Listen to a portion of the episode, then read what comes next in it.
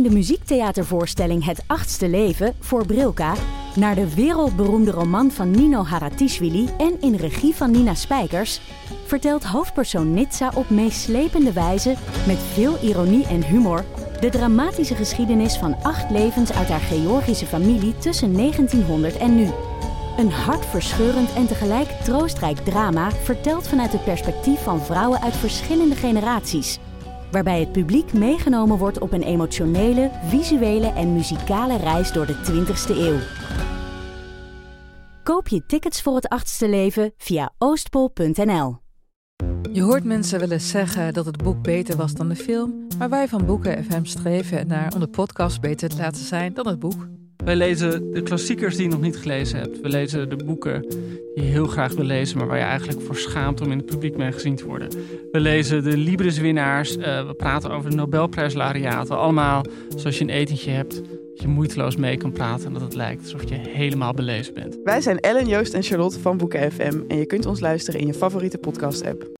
Je pakt me bij mijn pols en plaatst mijn hand weer terug op het aanrecht. Hierdoor valt je oog op de komkommer die ik nog nauwelijks gesneden had. Je reikt ernaar en ik weet meteen wat je van plan bent.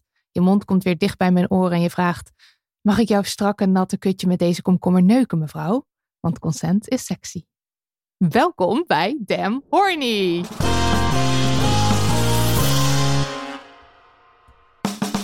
In deze bonusserie praten we met een aantal auteurs die een bijdrage hebben geschreven voor onze bundel seksverhalen getiteld Damn Horny. Ik had helemaal moeite met het uitzoeken van een hot stukje. Maar we moesten natuurlijk die komkommer doen, want uh, die blijft ons maar handen. Uh, die komkommer komt overigens uit het verhaal getiteld Komkommer van Lotte van Eyck. En uh, we hebben ook Deen aan de lijn. En Deen heeft ook een verhaal geschreven. En dat verhaal heet Samen, de samensmelting. Samensmelten. Samensmelten. De samensmelting Sorry, naar een helemaal onderzoek de kattensituatie. Ja. En dat dat dan helemaal hot Oh, wordt.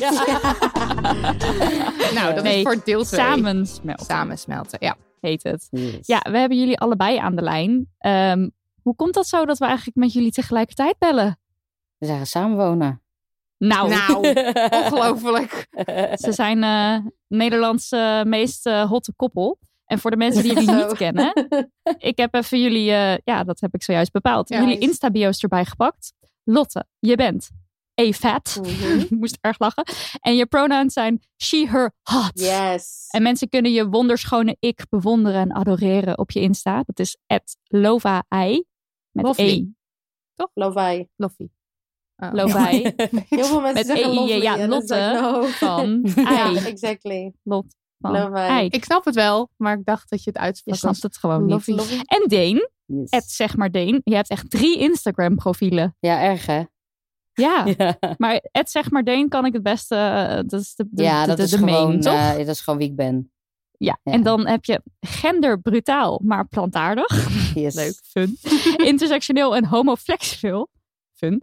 Eh, pronouns hij, hem, die, diens. En eh, ik denk dat je eigenlijk uit dat biootje al kan op, opmaken dat je een woordenkunstenaar bent en een artiest.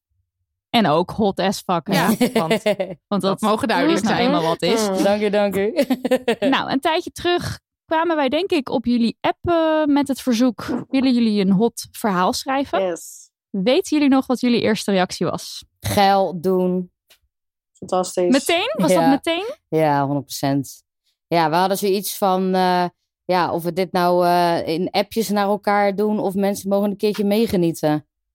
Ja, Love it. Want hier, ik weet nog wel dat jullie met hoofdletters reageerden en veel uitroeptekens volgens mij. Maar dat Ja. was dus ook echt jullie instant, Ja, 100%. instant reactie. Ja, Ja, 100%. Zo heerlijk. En we hebben het gewoon Ja. vaak over hoe de porno-industrie gewoon plus-size mensen en trans mensen gewoon niet representeert op een fijne manier. Dus we hadden met dit gelijk zoiets van, oh, dit is dan iets waar wij ons steentje aan kunnen bijdragen, waardoor wel die representatie op een bepaalde manier naar voren komt. Dus ja, dat konden we natuurlijk niet missen, deze kans. Heerlijk. Ja, en echt, maar toen jullie verhalen binnenkwamen, Nou, ik holy hoor. gleed was van echt- mijn stoel. Hadden Het jullie was zoiets echt even verwacht? drie keer slikken. Nou, je weet gewoon echt niet wat je kan verwachten als je deze vraag uitzet. Mhm. Want het is natuurlijk ook een heel brede vraag. Wil je iets hot schrijven en geef zelf er maar een draai aan. Dat kan dus echt alle kanten op. Ja, en we hebben alweer geleerd dat eh, hot voor de een echt iets heel anders betekent dan hot Ja, voor de precies. ander. Dus je weet gewoon niet Maar ik dacht wel al, jullie zijn vrij uitgesproken en ook wel heel taboe doorbrekend. Dus Ja. ik verwachtte wel gewoon expliciete dingen. Ja, Ja? you delivered. Ze worden hier jullie hebben dus allebei-? Hey, nee, nee, nee, nee, nee. Nee, Nooit. nee, nee, nee. In de meest positieve zin. Ja. Expliciete dingen. En jullie hebben dus allebei los een verhaal geschreven. Ehm, heb je dan wel een soort met elkaar daarover gesproken of overlegd? Of hoe hebben jullie dat gedaan? Nou, we hebben eigenlijk. ehm wij hebben overlegd. Het was eerst wel een soort van de bedoeling dat we samen iets zouden schrijven. Alleen, zeg Ja. maar, op een gegeven moment ging ik gewoon mijn verhaal tikken. En ik ging gewoon helemaal los. Of nee, zeg maar, eerst begon Dave met schrijven. We hadden gewoon zoiets van, we gaan gewoon om en om schrijven. En dan gewoon, weet je wel, als we ineens ergens zijn en we denken van, oh, dit, weet je wel, we schrijven dat op. En dan ja, komt dat zo samen. Dus hij was begonnen met een stukje schrijven. Alleen aangezien we alle twee pagger slecht zijn met deadlines, was het ineens van, oh kut, het verhaal moet ingeleverd worden. En toen eh, ben ik gewoon gaan schrijven ook. Alleen toen werd ik zo enthousiast dat ik een heel eigen verhaal schreef. En ik zei van, oh mijn god, kijk wat ik geschreven heb. En dat opstuurde. En toen had Deen van, ja, ik wil toch ook wel nog mijn eigen ding schrijven. Omdat hij natuurlijk dan gewoon weer, ja, zijn eigen... eh, Eigen perspectief. exactly, weet je wel. Dus ja, toen werden het eigenlijk twee verschillende verhalen uiteindelijk. Maar ik weet nog wel dat het binnenkwam. En volgens mij schreef jij, Deen, eh, ja, Lotte, het wordt Lotte's verhaal, want Lotte heeft gewonnen of zo. Oh ja, ja. En- Ja, ja. Want, want jullie waren in de veronderstelling dat eh, er één verhaal ingeleverd moest worden. Ja. Wat Ja. natuurlijk helemaal niet zo is. ja. want we hebben ze er nu allebei in gedaan. Superleuk. Eh, ja, echt, eh, echt erg, erg fantastisch. Oké, en maar jullie hebben, dus, jullie hebben dus deze verhalen echt apart. Ja, maar ik moet wel zeggen dat er wel momentjes waren dat ik dacht van, joh, zal ik Lotte een beetje opgeilen? Dat ik dan vroeg van, zal ik even een stukje voorlezen van wat ik tot nu toe geschreven heb? Dat we in de auto zaten. Oh ja. Eh, En ik heb- dan weer wel. En ik heb ook, Hoe eindigde die autorit? girl, not on the destination we needed to go.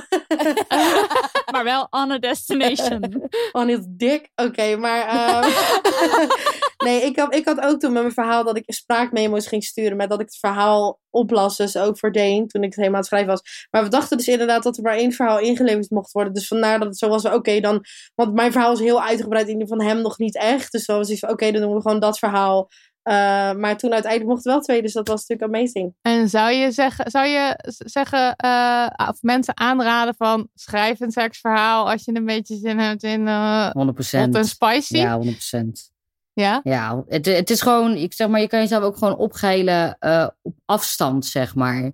En ik bedoel, je weet toch wel, soms dan zit je in de, in de metro of zo en dan zie je iemand naar hun telefoon kijken en dan lachen ze op een bepaalde manier. En dat je dan gewoon denkt van 100% was dit een geil appje van iemand. Want Ja. je- niemand zit in de Noord-Zuidlijn en lacht for no reason. niemand. Dus hoe leuk is als je iemands dag kan opvleuren met een heel geil verhaal. Of gewoon met een hele verzamelbundel natuurlijk. Wink wink. hey, maar deze, deze super openheid en een soort taboe doorbrekendheid. Was die er altijd al bij jullie? Hoe was jullie relatie met seks, laten we zeggen, nou, tien jaar geleden of zo? Dat je een beetje de dingen aan het ontdekken was? Tien jaar geleden. Lotte, laten we bij jou 14. beginnen. Ik ga even de beurt geven. Echt ja. jong nog. Ja, ik weet dat jullie Tien niet jaar- zo jonge mensen. Laten Oké, we- maar laten we 14, dan- zeggen, toen je op je de 14e leeftijd dat je begon met het Oh, ontdekken, ja. wanneer dat ook m- Mhm. mo- Ja. mag zijn. Hoe was je toen met seks? Nou, eerlijk, ik was al heel jong eigenlijk toen ik begon met ontdekken. En dat was dus echt voornamelijk met meisjes. Ehm, heel veel Mhm. zoenen en friemelen en dat soort dingetjes. En dan hebben we het echt wel over, denk ik, 12 jaar of zo. 11, 12 jaar. Ehm, en toen eigenlijk, ja, then puberty hits. En dan is het ineens de, oh, weet je wat, dan komt de patriarchy ineens op je deur kloppen. Het was van, oh nee, ik wil echt een jongen met een sixpack. Weet je wel, echt zo verschrikkelijk. Maar ja, goed, dat was wel waar ik in zat, weet je. Want ik dacht dat moest of zo. Ehm, dus op Mhm. mijn achttiende is dan de eerste keer dat ik met een eh, cis man seks gehad heb.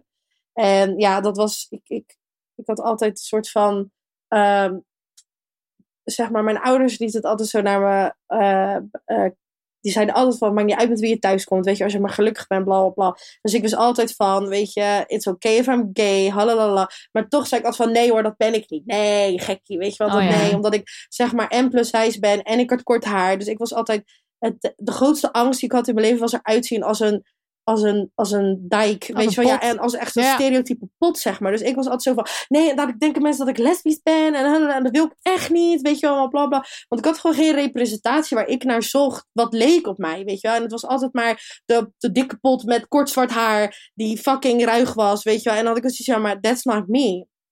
Dus Mhm. het was voor mij seksualiteit. Ik merk wel dat zeg maar eh, het dik zijn een soort van mij gestemd heeft in mijn seksualiteit opzoeken op die manier dat ik echt zoiets had van oh genieten van mijn queerness, weet je wel. Dus ik denk wel dat nu mijn seksualiteit heel anders is als dat als zes jaar geleden. Ehm, en ook Ja. in de zin van eh, ik was wel altijd heel eh, zelfverzekerd en zeg maar ehm, ehm, ja, wild met seks, zeg maar. Wel al zeg, vanaf mijn achttiende en vanaf een jonge leeftijd. Maar mijn seksualiteit is wel echt zeker ook in het jaar met Deen zijn echt wel heel erg veranderd, denk ik. Ja. En waar komt dat dan? Kan je iets aanwijzen wat je zegt van daar of daardoor kan ik het meer Omarmen. ja, ik denk doen. echt het, het inzien dat een, een systeem waar we allemaal in leven jou in een bepaalde hoek drukt. Of je dat nou wil, ja of nee. Weet je wel, of je er nou bewust van bent, ja of nee. En dat was het voor mij heel erg. Ik dacht dat ik heel bewust was juist van mijn omgeving. Terwijl ik op een gegeven moment dat iemand, eh, een vriendin van mij uit Amerika tegen me zei van, je bent 100% queer. En ik zoiets had van, huh, wat zeg je nou? En zei ze van, did you kiss with girls when you were 12? En ik dacht zo, ja. En toen zei ze, heb je, heb, heb je met, je- met je beste vriendin seks gehad? En ik dacht zo, ja. Het was echt zo van, ja, you're queer, weet je, what, what are you doing? En toen zei ze van, maar that's just bisexual, weet je wel, panseksueel en geniet ervan. En toen kwam het een beetje bij mij van, oh ja, weet je wel. Alleen, I was terrified of women, like met Tinder, als ik het op vrouwen zet, ik durfde gewoon niet te praten. Ik had gewoon zoiets van, ja, bent eng, je eet me Mhm. op, weet ik veel. Dus ja, dat is altijd, mannen zijn makkelijk toch? Ja, het is toch zo? Ik bedoel, het, Het is Het echt is, ja. zo, ja. Ik herken die struggle heel ja, erg. dus ik ja. had gewoon zoiets van, oh, I don't know, like... De, Vrouwen zijn maar. doodeng. En toen heb ik gewoon een jaar Ja. lang gezegd van... ik ga gewoon helemaal niemand daten. Het is prima. I'm a date myself. en ik weet het gewoon even niet. Nou ja, en toen eh, eh, was de, eh date ineens in mijn DM's daar zo. Dus ja. Had ik niks meer te klagen. Oh, die sliden erin. Ja. Deze reeks gesprekken over sexy times wordt mede mogelijk gemaakt door onze uitgeverij Blossom Books. die niet alleen de seksbundel Damn Horny uitgeeft, maar ook nog iets leuks heeft bedacht rondom de verschijning ervan. Zoals jullie waarschijnlijk wel weten staat mijn sensationele kont op de cover. En die illustratie is gemaakt door de even zo sensationele Linda Rusconi. Wat jullie misschien nog niet weten, is dat ze ook een lading andere auteurs heeft geïllustreerd, waaronder ikzelf. Ja, ja, mijn tieten staan in dit boek. En jij, lieve luisteraar, kan zo'n illustratie van je eigen goddelijke lijf winnen. Zo naakt of zo niet naakt als je zelf wilt. Als je het boek voor augustus 2021 bestelt en de al dan niet digitale bon opstuurt naar Blossom Books, ga je mee in de loting. We mogen maar liefst vijf mensen blij maken. Dus hup naar Libris.nl en pre-order Damn Horny. Proost op spetterende orgasmes. En, eh, en jij, Deen, met hoe, hoe was jouw relatie met seks Ehm, vroeger en, en in relatie tot nu ook? Ja, ik, ehm, ik heb seks heel lang gebruikt als middel eigenlijk. Zeg maar, sommige mensen die, die, die gaan eh, extreem sporten of die gaan heel veel stappen en dat soort dingen. En eh, seks was voor mij heel lang was dat een middel voor mij om me zeg maar even goed te voelen. Dus ik had altijd wel een soort van een, een ruimte tussen mij en mijn seksualiteit, terwijl ik wel een heel seksueel eh, persoon was. Maar ja, in principe heb ik ook gewoon rustig, eh, wat is het? Ik zit even te denken, ik wilde zeggen tien jaar lang, maar dat, dan was ik wel heel jong, denk ik. Maar in ieder geval tussen de zes, eh, nee, nou denk ik wel. Ik denk dat ik ongeveer zo'n eh, 10, 12 jaar dat ik gewoon geen seks heb gehad zoals mezelf. En dat Mhm. heb ik nu pas. Dus eh, ook al heb ik eerder een, eh, eh, was ik eerder aan het ontwikkelen met mijn gender en dat soort dingen. Ehm, maar ik had nooit het gevoel alsof ik dat helemaal mocht zijn en mocht ontdekken en dat soort dingen. En het voelt echt met lot alsof ik gewoon heel liefdevol naar een nieuwe nulmeting ben gebracht. En dat ik nu vanuit een gezonde stabiliteit echt mijn seksualiteit echt voor het eerst aan het ontdekken ben of zo. Dus het is een heel. eh, ja, het- als, als wij seks hebben met elkaar, dan voelt het zeg maar gewoon alsof ik 14 ben. Omdat ik dan opeens dingen weer spannend vind. En dat het weer helemaal opnieuw ontdekken is. En Lot is een freak in de sheets. Dus er zijn genoeg plekken ook om te ontdekken. En ze laten me vaak genoeg nog zenuwachtig voelen en dat soort dingen. En ja, ik weet niet. Het is voor mij wel. eh, sowieso, ik heb pas nu pas seks voor de eerste keer sinds dat ik helemaal mezelf ben. Mijn naam is veranderd, weet je wel. Ik zit aan testosteron nu en eh, niemand kent me meer met mijn oude naam. Uh, en, en that's it. Dus ik weet niet, ik heb het gevoel dat ik dat nu pas echt voor de eerste keer gezond aan het ontwikkelen ben. Ja. Mooi. Ja. Zo Zeker. ben ik gewoon een beetje stil van. Ja. ik vind het gewoon erg prachtig. Maar het is Ja, ook is het zo ook. fantastisch dat jullie allebei die ruimte voelen. En het, dat het zo... Ja. Ja. dit is gewoon hoe je wil dat Ja. het is. ja, en we communiceren en daar ook krijg je gewoon een beetje kippenvel van. Ja. Maar ook eigenlijk treurig zit ik dan te denken van... dat het dus dat het 12 zo jaar, of wat is het, 10 uitzonderlijk jaar is of lang, zo. En dat je dus tien jaar lang niet als jezelf was, Ja. seks had. Ja, nou ja, Ja, niet mezelf was, maar ook inderdaad geen. eh, het zou een moment van ontspanning moeten zijn, maar ik was altijd. Ja, eh, ja. Ik noemde mezelf altijd een stone top. Als in van, nou, ik eh, zorg ervoor dat jij eh, alle sterren aan de hemel ziet. En dat je het gevoel hebt dat er wel zeven wonderen op de wereld zijn, maar raak mij AUB niet aan. hm, Ja, ja. ja, Ook Ja. die ruimte. En nu ben ik echt een pimpelprins met Lotte. echt woordkunstenaar. Ik zei het, ja, woordkunstenaar. Dit is En, van eh, Lotte hoor, deze. Deze is van Lotte. Lot, Oh, Lot. Lot is het pimpelprinsesje, dus het komt 100% credit naar haar. En, en konden jullie eh, me- zeg maar meteen al goed ook met elkaar open en goed praten over seks? ja. Ja. Ja? Ja, al bij de eerste keer vroeg Lotte al van, is dit oké? En Lotte is heel erg van het consent vragen. En tussendoor even checken of alles eh, oké gaat. En eh, nu moet ik wel zeggen, dan, dan speel ik wel de hoofdrol op dat moment binnen het spel. Maar eh, dan is het heel erg heen en weer vragen. En Lot, die, die goes with the flow. Ja, en het... Zijn jullie een beetje van de... Oh, sorry. Oh nee, dat maakt niet Ja, uit, zeg zeg maar. Ik wilde vragen of jullie van de, van de porno- of seksverhalen zijn. Want het kwam net wel even voorbij dat eh, dikke mensen, trans mensen, dat dat eigenlijk gewoon ja, heel moeilijk te vinden is. Op een fijne, niet fetish, gewoon op een positieve manier. Maar houden jullie wel van porno kijken of eh, seksverhalen lezen? Ja, ik, ik hou heel erg van porno. Ja, En, eh, En kon je iets vinden, heb je misschien een tip of iets, eh, kon je iets vinden waar je je wel... Nou, weet je wat het is? Ik moet eerlijk zeggen, als ik porno kijk, dan zoek ik niet naar mezelf. Ik vind zeg maar Mm. plus-size vrouwen, heb ik, daar word ik wel opgewonden van. Maar ik heb wel, het gaat inderdaad altijd naar die fetish kant of zo. Snap je wat ik bedoel? Dus het is nooit echt ehm, dat ik zoiets heb van...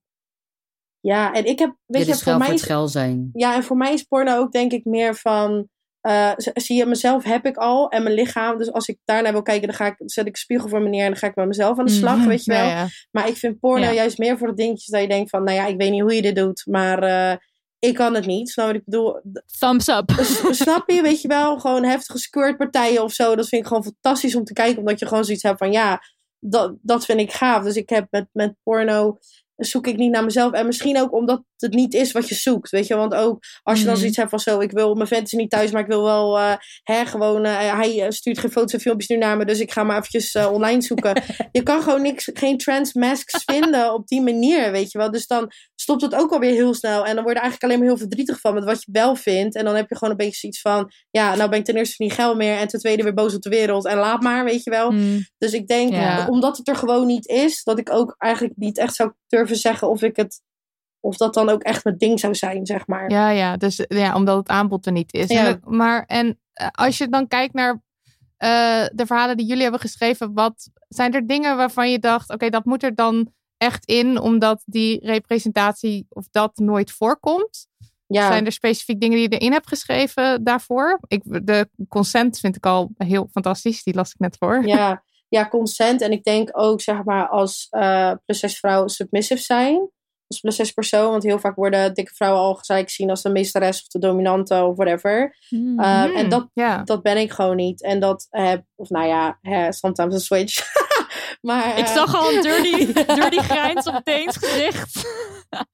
Eh, maar het is, het is, Is dat zo? Het, ja, het, alleen het is zeg maar niet waar ik zeg maar van uit, of wat, wat, wat, wat ik zoiets heb van, oh ja, ik wil echt bang Ja, zijn. ja, Ik wel. snap het. Nee, dit is Ja. geen dominatrix uh, tafereel, Nee, zeg precies. maar. Dus, dus dat vond ik inderdaad wel belangrijk in het verhaal.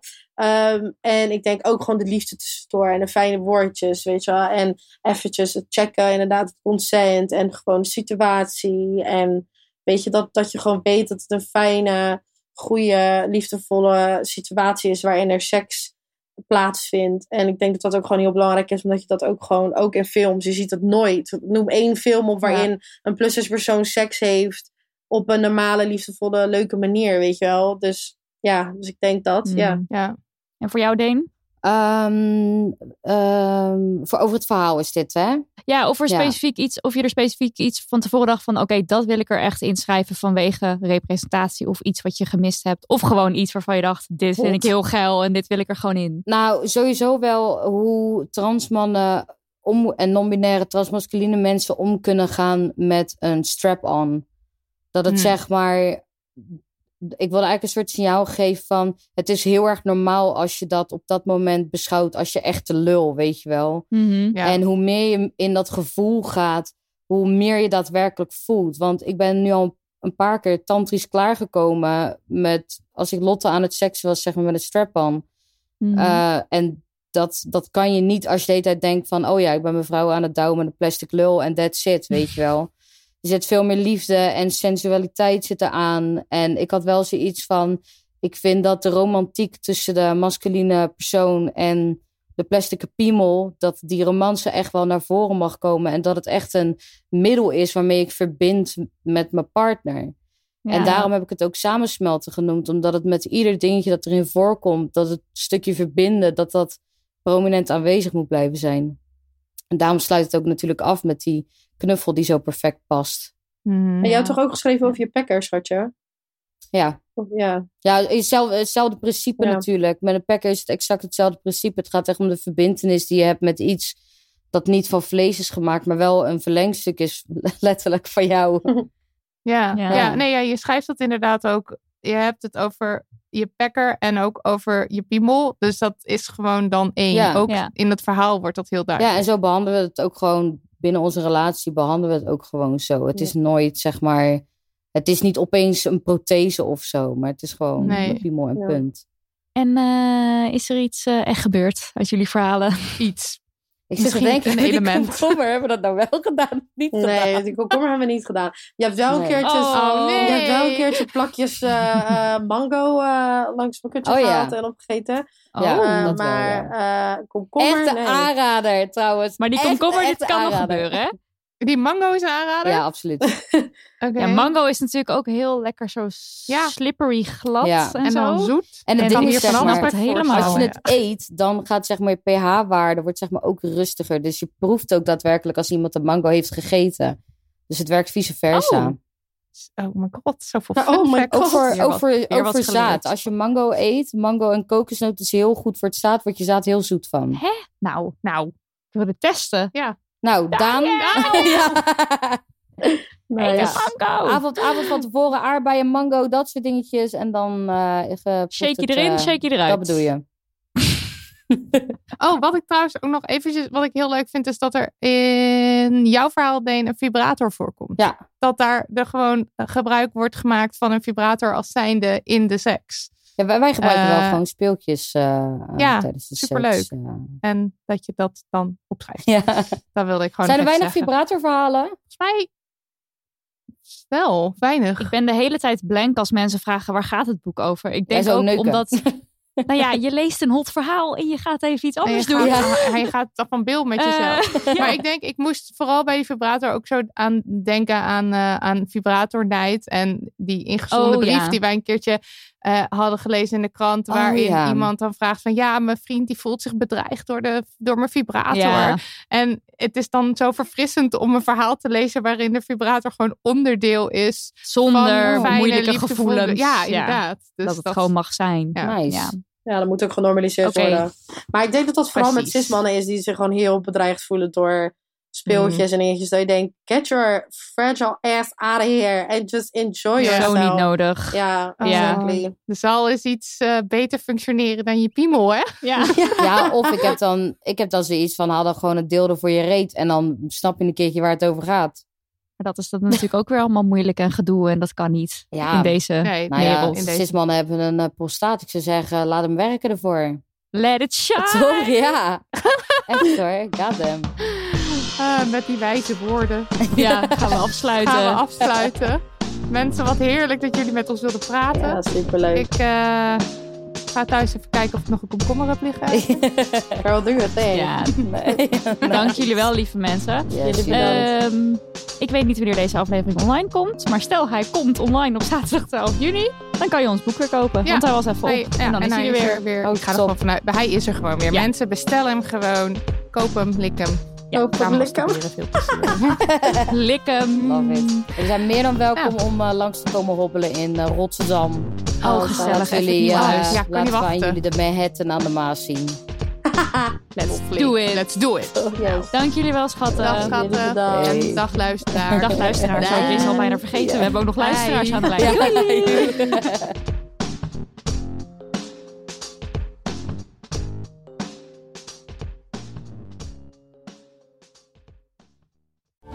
Over die grootse en epische muziektheatervoorstelling. Het achtste leven voor Brilka is een marathonvoorstelling van 5 uur. Koop je tickets voor deze bijzondere theateravond via oostpol.nl.